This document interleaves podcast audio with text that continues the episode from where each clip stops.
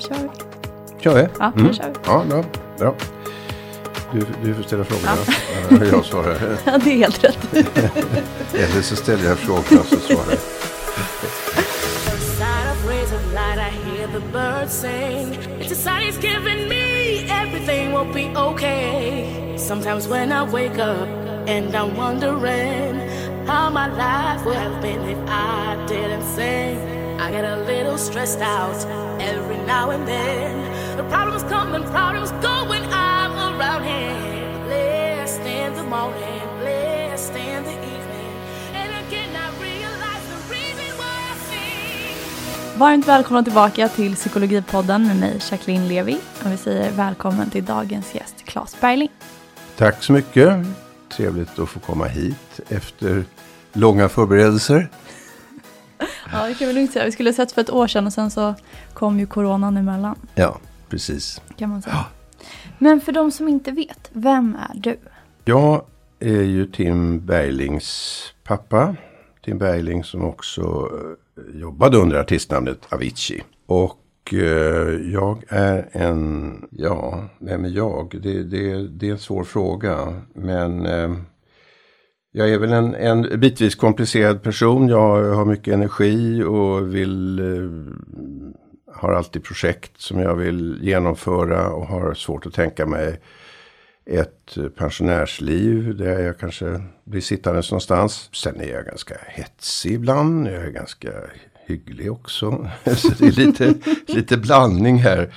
Eh, rätt impulsiv och sen är jag ganska blyg. Jag tycker inte om större sällskap eller fester. Så sammanfattningsvis är jag väl ganska normal. Skulle jag tro. Vad härligt. Jo, men jag tänkte, vi stötte ju på varandra i samband med att jag satt i styrelsen för Mind. Och Ja. Mind har ju möjliggjorts att kunna vara öppet dygnet runt tack vare Tim Bergling Foundation. Vill du berätta lite mer om vad det är för någonting ni gör? Ja, vårt fokus är ju barn, unga och unga vuxna. Och eh, eh, vårt huvudområde nu och eh, kanske flera år framåt är ju att bidra till en bättre psykisk hälsa för de här grupperna. Förhoppningsvis drastiskt kunna minska antalet självmord. Och även ta bort stigmat runt de här frågorna. Det, det tror jag nästan är en, en av de viktigare bitarna för att komma vidare.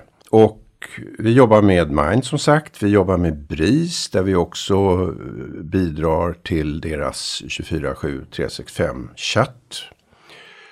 Jag vill också säga det att det är vi tillsammans med andra naturligtvis som, som bidrar också. Så att, ehm, vi jobbar med Suicide Zero och sen har vi börjat ett samarbete med Rädda Barnen i våras. Där tittar vi väl främst på meningsfull fritid och eh, ett område som vi brinner för är ju musikstudios. Där vi hoppas att vi ska kunna vara med och, och, bygga lite sådana tillsammans med Rädda Barnen. Sen jobbar vi med eh, en ny, ett nytt projekt med en, en organisation som heter Make Music Matter. Och, och det kommer vi göra under säkert eh, ett, kanske två år framåt. Jobba med de här frågorna. Vi hoppas att vi kan bidra till att man på olika sätt skapar möjligheterna för en bättre psykisk hälsa bland unga människor. Och sen att prata om de här frågorna, svåra frågorna, i ett mer vardagligt sammanhang. Att liksom inte kanske hela tiden säga suicid, för det är väldigt tekniskt och vetenskapligt. Många vet inte ens vad det är. Eh, och självmord kanske inte heller är rätt term, det vet inte jag. Men då pratar man ju lite närmare om vad det handlar om. Och jag tror att det här är viktigt att, få in i många sammanhang i det dagliga samtalet. Eh, nu vet inte jag om det var svar på din fråga, då får du klippa. Hur skapades ni? Hur skapades stiftelsen? Eh, eh, eh, efter Tims självmord så, så fick vi ju väldigt många brev, mejl och kontakter överhuvudtaget. Och många personer som delade samma öde. Så vi förstod att det här är, det här är mycket vanligare än vad vi trodde. Då började man ju också sätta sig in i de här frågorna på ett annat sätt. Och, och, och började läsa om hur står det till idag så att säga. Och, och så fick vi klart för oss att det, just bland unga människor så är det här tyvärr en väldigt vanlig dödsorsak. Och eh, man kan säga så att det öppnades en, en värld till kunskaper och insikter som vi absolut inte hade innan. Och, då, och det gick ju väldigt fort kan jag säga. För det, för det var ju väldigt intensiva månader direkt efter. Och då beslutade vi att vi måste göra någonting vettigt av Tims arv. Och det får bli en stiftelse som heter Tim Bergling Foundation. Så, så, att det bygger på hans, det hans namn. Och eh, eftersom Tim också var, han var ju intresserad av psykologi. Han var intresserad, han var ju en sökare som person. Han, han läste ju liksom mycket böcker om det. Han mediterade. Han, han, så vi tycker att det här, det är det bästa vi kan göra av saken. Sen ingår ju också i stiftelsen eh, hans nära intressen och det var ju liksom hotade djur, hotad natur, eh, klimat. Han var ju väldigt mycket för de frågorna. Och sen också mm, om det uppstår, vilket det gör hela tiden, hungerkatastrofer eller liknande. Men vårt fokus nu är unga och psykisk hälsa. Mm. Jag tänker att både döden och självmord är ju ämnen som många tycker är både svåra och känsliga att prata om. Mm. Hur är det för dig att prata om Tim och Tims självmord? Ja, alltså det är ju... Ska jag säga det? Man, eh, man vänjer sig ju aldrig. Det vore ju jätte, jätte, jättekonstigt. Utan det, det slår ju alltid an en sträng, så att säga stark sorg kan man lugnt säga. Nej men det är svårt. Samtidigt så känner jag att man, eller jag och även Anki min hustru. Alltså vi mår ju bättre av att prata om det. Eh, så, att, så att valet är ganska enkelt. Och sen i och med att jag tror att det här också kan vara eh, bra i många stycken, även för andra människor, så, så så blir det också lättare på något sätt. Det, så kan man faktiskt säga. Vad i att prata om det tror du är det som känns bättre än att inte göra det? Nej, men det, är ju, alltså det är ju det här gamla vanliga, att hålla någonting inom sig. Hålla någonting som är känslomässigt eh, starkt eller, eh, eller som man berörs väldigt starkt av känslomässigt. Om man håller det inom sig det kan ju vara smart i vissa lägen därför att man inte vill exponera sig överallt. Men i sådana här eh, frågor så gör man ju bäst i att prata med någon eller flera. Eh, och antingen söker man hjälp och pratar med någon. Eller så pratar man med sina vänner. Eller sådana man träffar i livet som, där man kan dela de här tankarna. Eller upplevelserna. Eller så gör man allting. Så det tror jag är bättre. Mm. Jag tänker att vi ska börja lite från början. Skulle du vilja berätta lite om hur psykisk ohälsa tog sig uttryck i Tims liv? Ja, det, alltså det, det är ganska svårt för att innan vi jag pratar min hustru och jag, eh, jag kan prata om mig själv också. Men jag menar, vi, vi har ju delat mycket av det här. Innan vi så att säga förstod att han faktiskt hade psykisk ohälsa. Det, det tog ju också tid.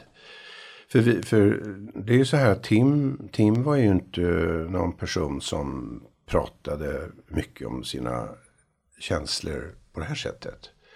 Utan han var ganska återhållen, han var ganska stark integritet. Och det har jag ju förstått nu i efterhand att han pratade inte om sin ångest på det sättet som, som man kan, alltså i den, på den nivån han faktiskt hade, som jag tror att han hade. Så att det är väldigt, det är väldigt svårt att svara rakt upp och ner på den här frågan. Och det tror jag också är, är, är tyvärr ett av problemen, att, att, att förstå när ens barn eh, verkligen mår så pass dåligt att de behöver hjälp. Därför att det kanske är naturligt att man försöker dels skydda sig själv, dels skydda sina föräldrar. Föräldrar är ju inte de bästa eh, terapeuterna om man säger så.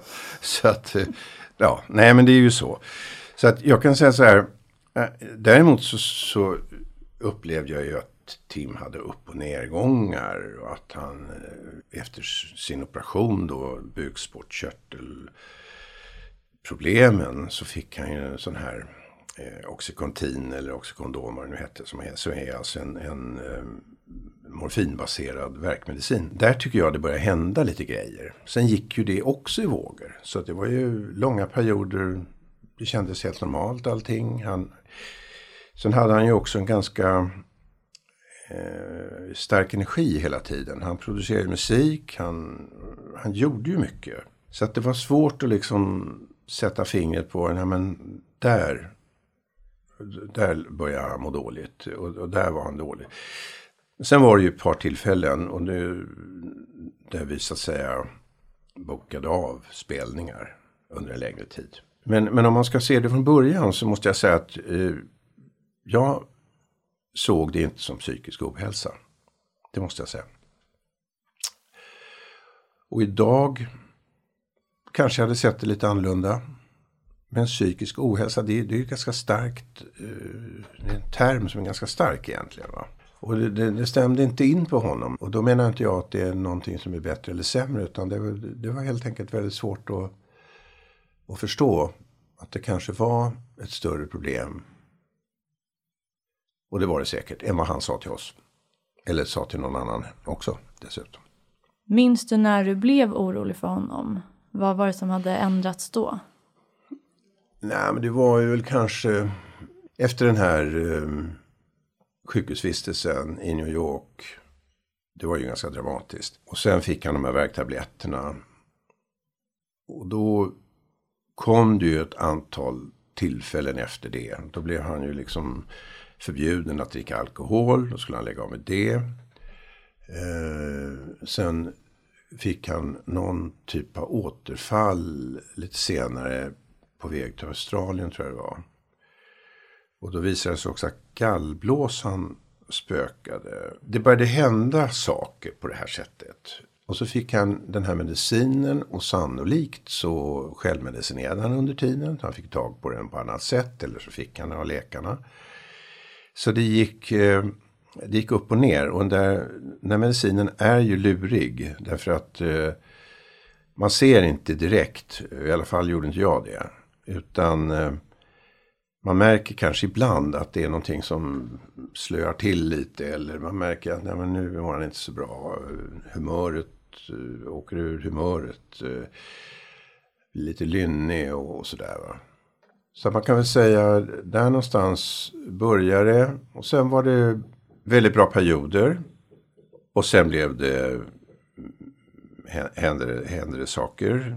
Eh, ofta var det medicinrelaterat eller så var det någonting med alkohol. Så att ehm, jag gjorde ju en hel del resor till Los Angeles. Och allting var ju inte på grund av hans problem utan det var hans hus som höll på att byggas. Men då var det ju också det att, att eh, mellan varven så var det ju problem. Och eh, jag träffade läkare, jag träffade psykiatriker, jag träffade psykolog. Det var ju bara det att Tim var ju inte inne på samma linje som jag var. Utan han tyckte att det här kunde han hantera själv. Så att eh, jag fick lite problem, minst sagt, med att få honom att eh, jobba ihop med den här psykiatrikern då som var seriös. Äntligen hittade vi en person som inte var villig att skriva ut och ha sig utan han ville ju ha motprestation. Men som sagt, det, det, vad som krävs i sådana här situationer det är ju att eh, personen i fråga själv vill vara med, vill vara med på noterna så att säga. Ja. Bad han någonsin om hjälp? Nej, det är precis det. En bra fråga. Det, det, det, det är precis det han inte gjorde. Han, han bad aldrig om hjälp. Och, eh, och, och, och det kanske man... Eh, det hade jag nog velat höra. Eller kanske någon annan också. Eh, det stämmer faktiskt. Det är en bra fråga. Ja. Tror du att han förstod själv hur dåligt han mådde? Nej, det tror jag inte. Jag tror, jag, jag tror att han, han, uh, han var så pass aktiv så att han... Jag tror att han sköt undan väldigt mycket av det här. Och sen så tog han ju då hjälp av uh, Sen blev det ju Mariana och det, det, det är ju lika vanligt i Los Angeles som mjöl, köpa mjölk. Alltså, ja, det är gräsligt. Så att det är klart att han la ju locket på. Det är jag ganska övertygad om. Sen eh, började han ju meditera eh, när han, mm, vad ska jag säga, hade varit på ett rehab på Ibiza. Då saker och ting började ordna upp sig. Då började han ju meditera och då, då tror jag han började bli lite mer medveten om det hela. Och sen om jag försöker lägga ihop två och två nu av det som hände på slutet så tror jag att han, att han blev mer och mer medveten om sina problem. Eh, faktiskt. Och eh, att det bidrog till att han tog sitt liv. Det tror jag definitivt. Eh, men jag tror också att vad som hände var som en eh, psykolog som vi har träffat och sa att eh, man kan kalla det en seriekrock. Alltså när olika händelser kommer in och bildar ett, någon typ av ja, sammanbrott eller någonting. Men, eh, men som sagt, jag tror inte han var eh, så in, eh, insiktsfull. Nej, jag tror, jag tror inte det faktiskt. Jag tror han höll det där stramt så här för att liksom klara sig också tror jag. Självbevarelsedrift. Ja, ja, ja, ja. visst. Mm. Ja, för du nämnde att han fick eh, Oxycontin. Och det är ju opioider som är ja, starkt smärtstillande och mm. extremt eh, beroendeframkallande. Mm. Men tror du att missbruket på något sätt dolde hur han mådde? Nej men ja, definitivt. Det, det är klart att, att uh, det lägger ju locket på. Jag menar det, det, det är ju som Valium, Stesolid eller vad du vill. Det, det lägger locket på. Så att du kan klara dina din ångest så att säga. Va? Problemet med de här medicinerna bara, det är ju som du säger, det ska ju tas under kort tid och det ska ju vara under uppsikt av läkare. Så att, eh, men, men sen fick han ju då, av en läkare så fick han ju någonting som heter buprenorfin. Som, som ska tas för att just vänja sig av med de här medicinerna. Och det är ju en medicin som också verkar i en liknande riktning. Så att det, det, blev ju inte särskilt bra och det ska man ju också göra under eh, läkarkontrollkontakt så att säga. Men han fick ju den här medicinen med sig och, och sen ut och resa och turnera. Så att det var ju, det var ju alltså. Eh, nej men det är så mycket. Eh, och jag ska inte, jag skyller inte nu på, på läkare och sådär. Men man kan säga så här att, eh, för det är klart att Tim, Tim var ju ändå en vuxen person, även om han var ung. Så var han ju en, en person som hade pengar, han bestämde själv, han var väldigt bestämd i många frågor och han tog egna beslut. Eh, så han upplevde väl väldigt ofta intrång i sin privata sfär när, när vi kom då med management eller någonting och, och sa att nu, nu måste vi göra någonting åt det här. Nu bokar vi av. Så att reaktionen blev ju inte alls eh, någon särskilt, eh, ja, det var inte så positivt bemötande om man säger så, från, mm. från hans sida. Men hade ni någon typ av intervention då? Ja, vi hade en liten och en större. Vi, vi hade en då med hans manager och jag i hans lägenhet i Stockholm. Mm, jag tror det var 2014. Eh, och då, då bokade managern av alla spelningar under hösten. Och sen så, så hade vi ju långa samtal och möten med Tim och så försökte vi hitta lösningar. Och eh, det är inte heller lätt alltså. Det är inte lätt att hitta en verkningsfull hjälp till en eh, person som i hans situation. Eh, han vill ju inte gå in i någon sån här gruppövningar Därför att han gillar ju överhuvudtaget inte grupper. Han, han var ju liksom en, en sån person. Så han, så han kunde inte tänka sig det. Utan vi försökte hitta lösningar så att säga.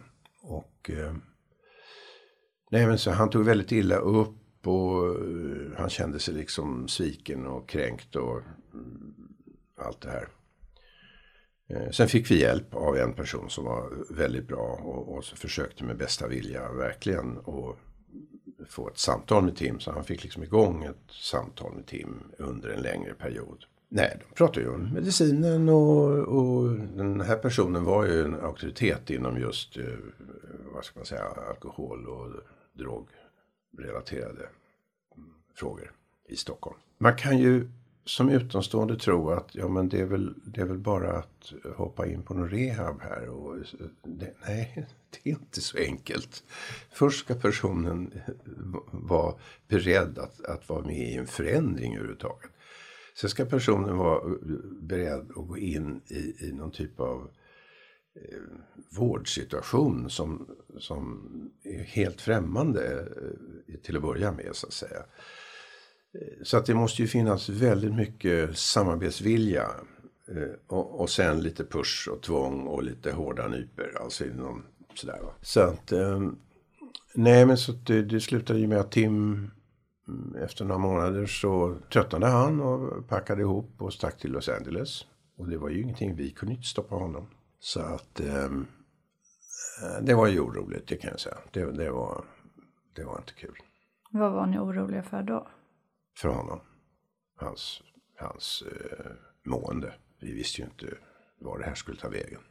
Du vet, man släpper iväg sin unge son som man vet inte borde åka dit ensam till, till just Los Angeles med allt vad som finns där. Men, men det, det var ju en del missöden där. Men annars så gick det ganska bra ändå faktiskt kan jag säga.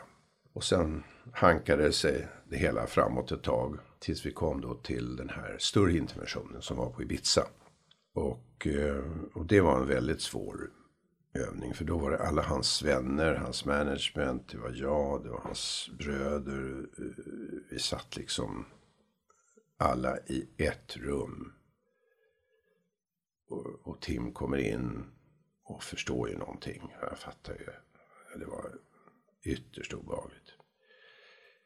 Då, då, känner man ju verkligen att man sviker, alltså du vet sådär, sin son. Trots att, det, att syftet är ju absolut inte det. så känner man ändå så här, usch det är hemskt alltså. Men eh, efter mycket och långa diskussioner som pågick långt in på natten så, så gav han med sig. Och, eh, och då fanns det ett jättefint litet rehab som heter Ibiza Khan. Som är en liten, en gammal spansk eh, lantgård kan man säga. Och där fanns en äldre man, psykolog, som Tim hade långa, långa samtal med. Och där vandes han av med medicineringen. Han började skriva, han började liksom tänka nya banor. Och jag är ganska övertygad om att det var där han blev klar över att jag måste förändra eh, mitt liv. Och det är ju ändå så, vi var ju på flera spelningar och träffade honom efteråt. Och han var ju, efter spelningen var han ju alldeles slut. Man kan ju tro att han, att han bara står där uppe och trycker på knappar och sådär. Det är ju inte så, utan en DJ inför sådana publik eh, känner ju att de måste ju dra igång publiken. Det, även om någon liten knatte eller vad det nu är, kille eller tjej som står där uppe så ska de ju dra igång. Det, energin överförs ju trots allt i det här. Så jag kommer ihåg en gång på Ibiza, vi satt efteråt. Han var, han var alldeles sjöblöt rakt igenom. Byxor, tröja, allting. Och en liten knatte som satt där efter så att säga. Och, och då hade han gjort en fantastiskt bra spelning. Alltså, kan jag säga. Så att jag förstår att det där var ingenting det tar på allt. Fysik och psyke. Och det är väldigt svårt tror jag att efter det bara gå hem och lägga sig. Utan det blir ju lätt lite ja, fest efter fest. Och det, det är ju ingen bra medicin. Eh, så att... Um... I, I don't think I've had the time to really sit back and just like look at what's really happened. It doesn't feel real.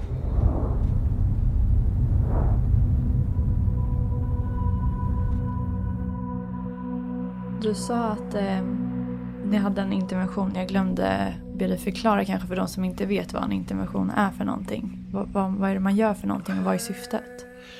Ja, du får nog rätta mig om jag har fel. Men jag, om jag ser det på det sättet som jag tror att det är. Så, så är ju syftet, eh, i alla fall vårt syfte, det, det var ju att alla de här personerna runt Tim, vi eh, enades om dagen innan vi pratade igenom allting. Vi enades om att om Tim inte går med på det här. Då sticker alla hem. Inte jag då förstås, men, men alla andra.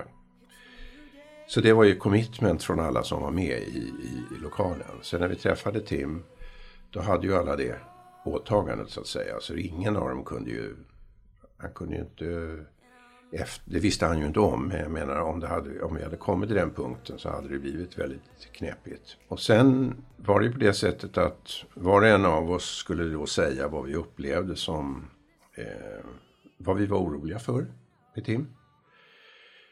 Eh, så vissa hade ju lappar som de hade skrivit upp lite på och du vet lite sådär och det, det, var, det var ganska svårt.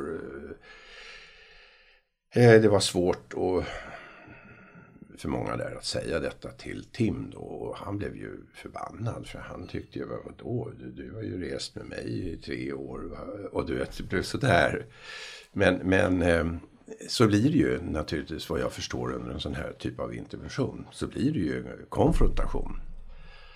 Men Tim var klok som så ofta så han förstod att eh, han tog liksom kommandot i vissa ögonblick på den där kvällen. Och, och, och sen eh, var han ju lite full i fan så när han då slutligen gav med sig och sa okej okay, jag går med på det här.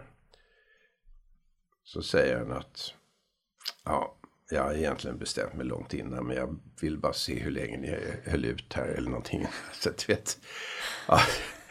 Men alltså vi var ju så lyckliga allihopa. Alla var så lyckliga. Alla var så otroligt lyckliga. Så att jag har nästan aldrig varit så lycklig som den kvällen jag åkte hem. Och naiv, inser jag ju nu. Eftersom, eh, men det var ju också, det var ju typ en, en, du vet, det var så mycket ångest som förlöste sig och man kände, åh gud vad skönt, nu, nu, nu ska han äntligen ta itu med de här grejerna. Va? Och, och, och, på ett sätt så stämde det ju faktiskt för att det blev ju en förändring i hans liv som pågick ganska länge. Men vad jag menar med naiv, det är ju egentligen att det är ju egentligen början på ett längre program. Att man borde ha ett längre program. Men du sa att första gången ni hade interventionen och säkert andra också så kände du att samtidigt som du gjorde någonting bra för din son så kände du att du svek honom. Mm. Nej men det är ju att man går bakom ryggen och gör upp saker med andra. Och så träffas man där plötsligt. Eh, och eh, Tim var ju inte informerad utan nu sitter vi där. Och, och, man möter hans blick, han förstår. Och då känner man sig rätt ynklig. Eh, som pappa skulle man ju helst vilja slippa vara med om en sån här sak. Man skulle vilja överlåta det till andra faktiskt. Om man ska vara ärlig. Och inte för att vara feg utan mer för att eh, inte vara del av en sån process. Eh, så att eh, det här är någonting man måste tänka igenom väldigt noga. Och, och jag måste säga att jag är väl inte helt, eh, helt eh, enig med att, eller enig, jag, jag, jag kan vara lite tveksam till sådana här mm, aktiviteter. De måste göras väldigt, samtidigt så behövs de ibland. Så det är väldigt svårt. Mm. Var det så det kändes att ni hade kommit till en punkt att nu måste vi alla göra någonting? Ja, det var det. Det var ingen tvekan.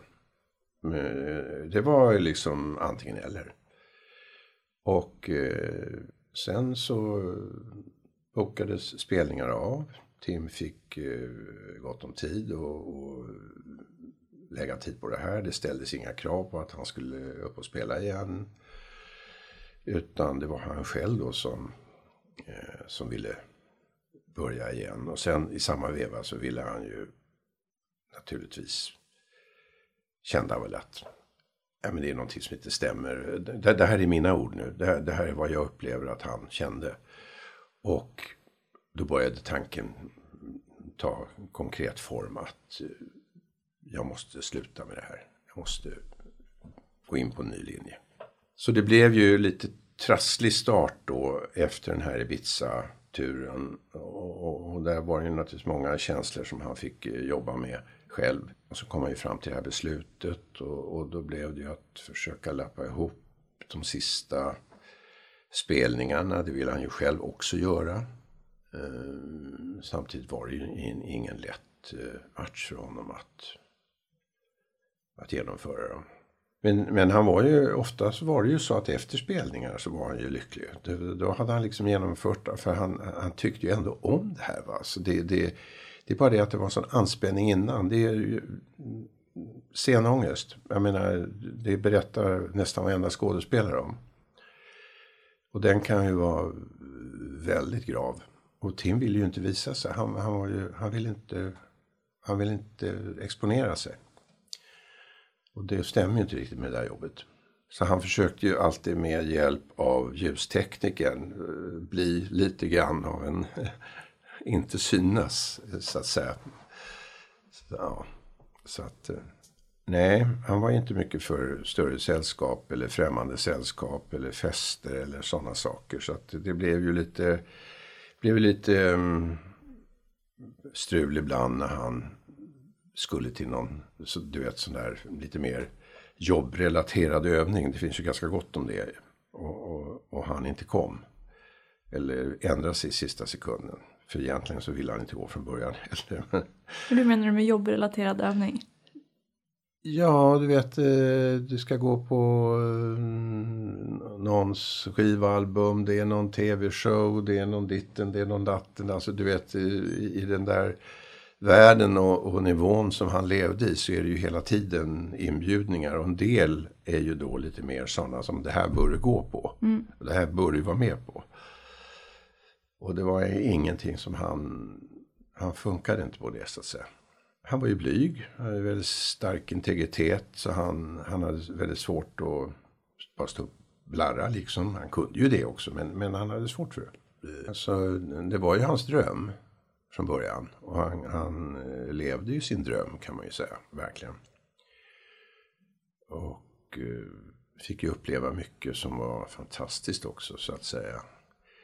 Men sen blev det ju, ja du vet, som med så mycket av eh, arbete man gör. Det är klart att efter ett tag blir det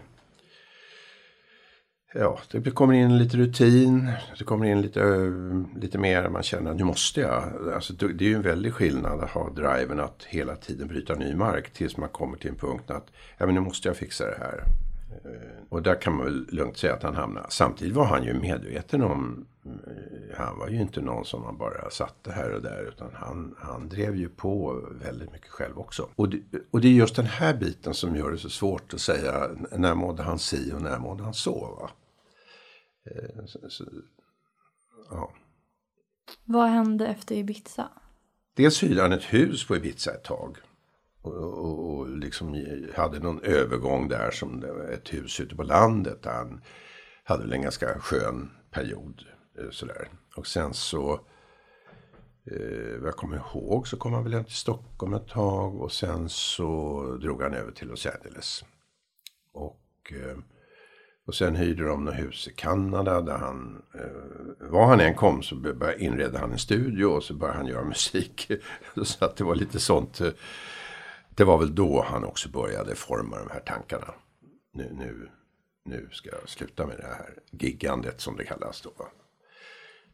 Men jag ska inte sluta med musik, jag ska fortsätta producera musik. Men jag klarar inte av det här, eh, de här stora spelningarna och och han insåg ju att han måste tänka på sitt leverne. Nej, men det var, det var en väldigt positiv förändring. Han började träna mycket. Och 2017 när vi träffades i Stockholm, då, hade då var han ju väldigt vältränad. Och, och så gick han ju all in, som så ofta, i sina eh, intressen. Var ni oroliga för honom då?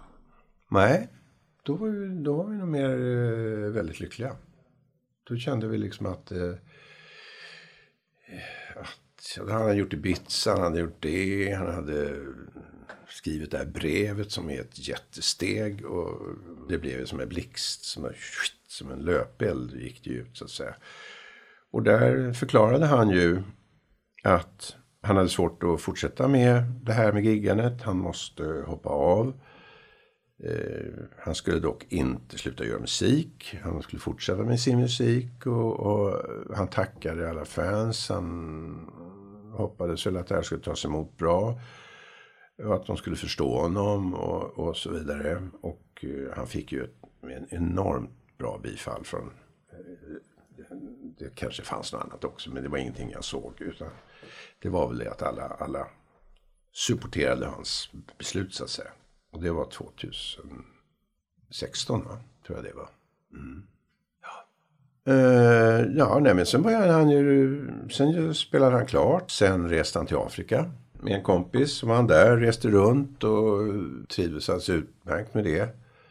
Sen åkte han väl hem ett tag och sen träffade han en flicka som han blev väldigt förtjust i. Och ja, det var mycket. Sen var det plötsligt alltså en, ett, ett annat liv som tog vid så att säga.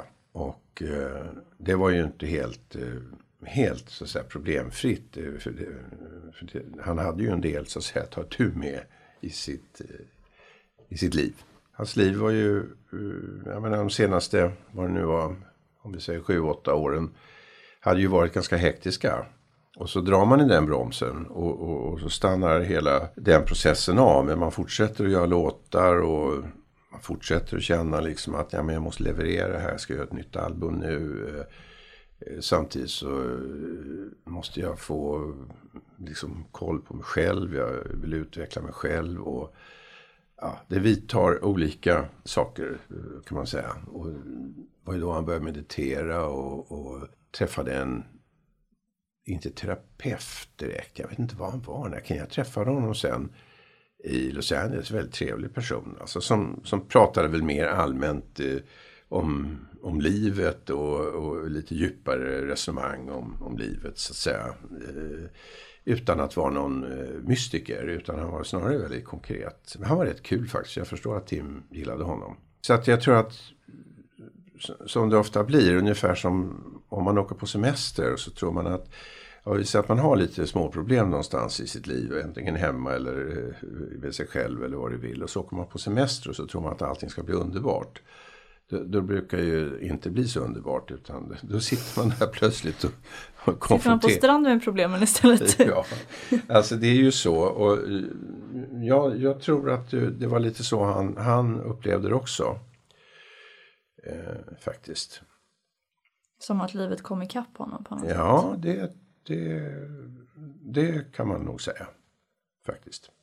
Och eh, han hade mycket funderingar om livet. Eh, och eh, sig själv, sig själv i relation till den här tjejen. Vi hade långa diskussioner och, eh, och det var det jag tyckte var positivt att han han la inte bara det ena där så att säga på henne eller det, det som de inte fixade utan han såg ju sig själv också mycket i det här. Vad, vad, så det blev väl också en, jag tror han tyckte det var rätt jobbigt att han inte eh, eh, kunde hantera den relationen bra, att den inte gick bra. Och det, det var det var ju inte så att det var hans fel utan det, det var det att de, de matchade inte riktigt fast det var en väldigt trevlig tjej och jag förstår att han var väldigt förtjust. Så att jag tror att det, det upplevde han nog som en väldigt ja, besvikelse. Lite sådär va. Men återigen alltså, det, det var inte så att han, han bad om hjälp eller så. Va? Det, det, det är klart att be pappa om hjälp med sina kärleksbekymmer. Det kanske inte riktigt är. Men, men ändå. Men å andra sidan hade vi långa samtal så att jag kan väl tänka mig att det, det var väl ett sätt för honom att säga att eh, som unga kan säga, kan vi inte snacka lite? så att, eh, ja. Det är det som är så svårt med att be om hjälp för många som mår dåligt framförallt kanske att rädslan att, eh, ja men dels att vara en belastning för någon annan mm. och att visa upp sin, ja, sin sanna upplevelse eller alltså sånt som man kanske försöker dölja även för sig själv och mm. att då be om hjälp skulle innebära att visa det för andra. Sin svaghet. Alltså också är ju, eller hur? Det, det är väl det som är, jag tycker är, är ju någonting som eh, är för oss killar i alla fall. Så, så, och sen vill man inte oroa föräldrar. Eh, eh, jag, alltså det tror jag fortfarande, då, då är vi tillbaks lite grann till det här med stigma. Stigma kan ju vara på olika sätt. Alltså jag tror att man vill inte oroa sina föräldrar inte bara av hänsyn utan kanske också för man inte vet hur de kommer att reagera. Blir det ännu värre om jag berättar saker och ting? du vet sådär va. Och det, det är ju inte så, så kul. Nej men jag, jag tror också det, det, det, var ju en hel del eh, vi hade ju en hel del problem som jag beskriver då. Och det är klart att för Tims del så fanns väl det med i paketet också naturligtvis. Eh, Eh, när det gällde att be om hjälp. Att han hade fått det liksom påprackat på sig några gånger på ett sätt som inte alls var kul. Men det här var, då var han i Los Angeles? Mm. Ja, vi är i eh, 2017. Och då reste han lite så. Så var han hemma 2018. Eh, I februari tror jag det var. Eh, och då sågs vi sista gången. Då sågs vi på, eh, i vår lägenhet och hade en kväll tillsammans och käkade och snackade och, och sådär. Eh, och sen så, mm, ja, så hade vi väl lite kontakt på telefon så här som vi hade. Han var ju tillbaka i Los Angeles då. Eh, bodde hemma i Stockholm ett tag. Vi åkte ner till Spanien där vi hyrde en lägenhet. Och sen så hade vi kontakt med varandra. Och sen kom ju den här resan då till Oman. Det var semester. Det var semester. Så att, eh, och, och sen så... Um, ja, så, så är det. Och där, där hände det ju, vi alla vet hände. Så att... Um, det är väl inte så mycket mer att säga om det egentligen. Det är väl, alltså det, det där är ju, det, det, är inte någonting som är, jag egentligen sk skulle vilja att eh, vi pratar så mycket om. Det är ju, det är ju mer ett väldigt tragiskt slut. Och, och jag tror att, jag tror just på den här teorin om seriekrock. Han var väldigt lycklig, han höll på med sitt eh, nya album. Eh, han hade kontakter med eh, folk, eh, skivbolag, producenter.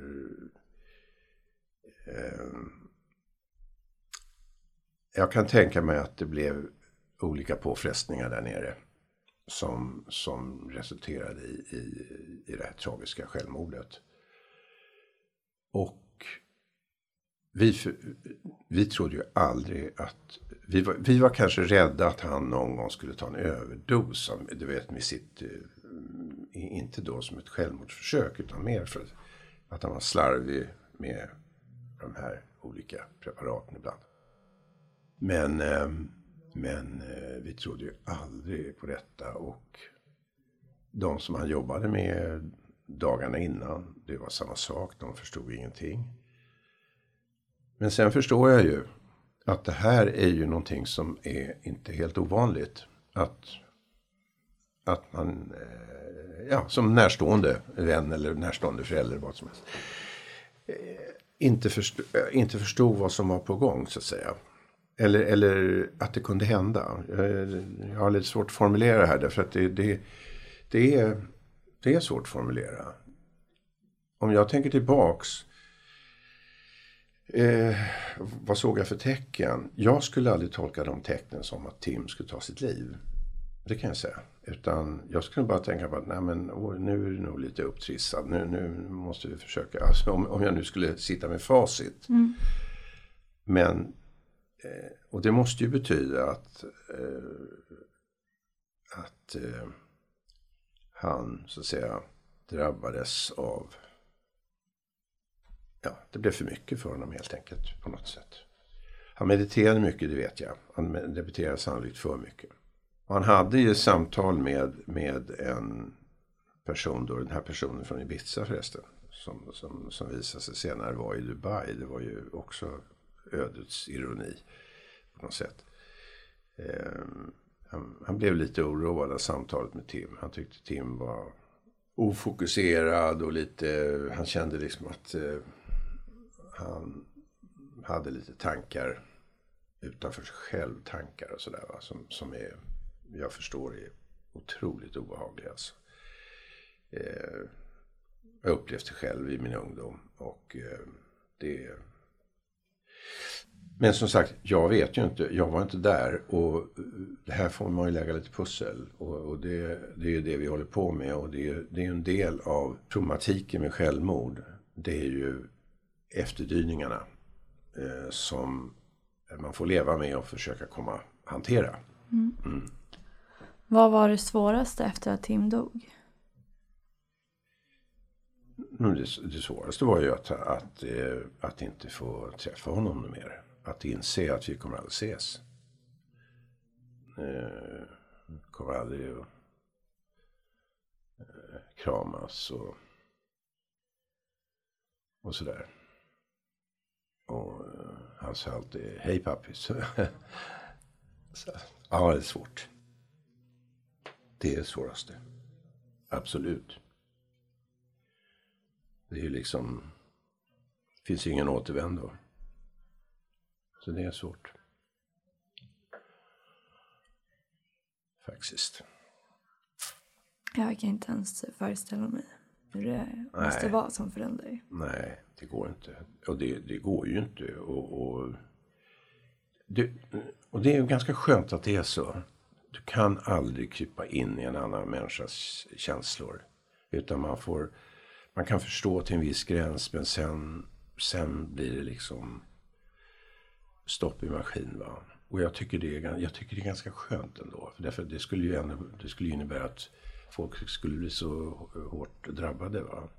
Så att, eh, nej men det är det svåraste. Och eh, sen är det ju så här att man, man eh, varje dag är ju en kamp för att klara sig. Och, och, att man ska orka med så att säga. Och sen går det några år och, och då börjar man kanske få lite mer fast mark. Det blir ju så. Eh, men det är, ju, det är ju en tid före Tim och en tid efter Tim. Och det är... Eh, ska jag säga? Så, så är ens liv liksom. Och det, det förväntar inte jag mig någon förändring av utan jag tror att, eller tror, jag är helt övertygad, om, så är det. Så att eh, ibland blir man ju förbannad också. alltså faktiskt. Nej men så är det ju väldiga skuldkänslor. Alltså det, det tror jag är den vanligaste, en, eller en av de vanligare delarna i sånt här. Det, det är väldiga skuldkänslor. De är ju egentligen onödiga. Eh, därför att du, du kan... Men det är klart att man, man tänker då kunde jag gjort det annorlunda? Vad kunde jag gjort annorlunda? Eh, skulle jag agerat annorlunda? Ja, du vet, det är det här.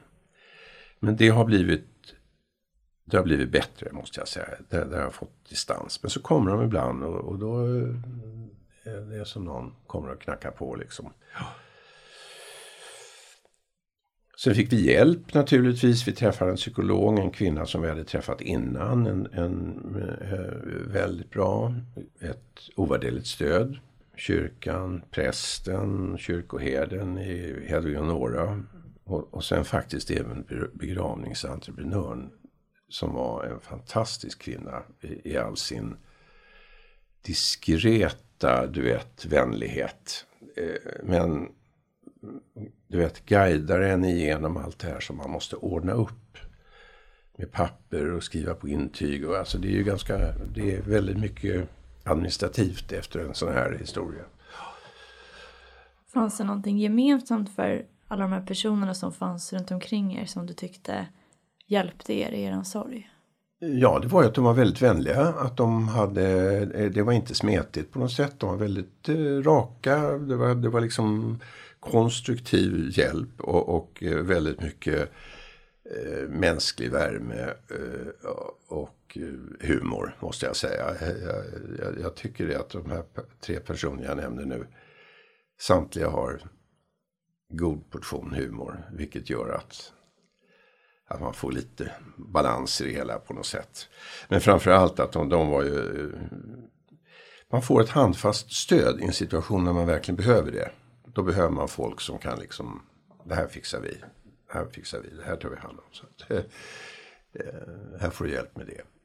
Sen tror jag vi, det har jag sagt förut, jag tror ju att vi är, är alltså att vi prioriterade eh, på grund av att Tim var en officiell person som dessutom var väldigt omtyckt bland fans och, och eh, så vidare. Så, så, så fick vi så oerhörd värme från många människor. Och jag menar, där kan jag ju tänka mig att så är det inte i alla situationer. Utan många är väl väldigt ensamma. Och, och dels ska man ju naturligtvis söka den hjälp som finns bland de organisationer som finns. Så de bör man ju nämna. Och sen att man talar om det i sitt rätta, mm, med rätt ord alltså. Att man, att man inte undviker att tala om självmord som självmord. Och eh, även om det smärtar och att man pratar om det.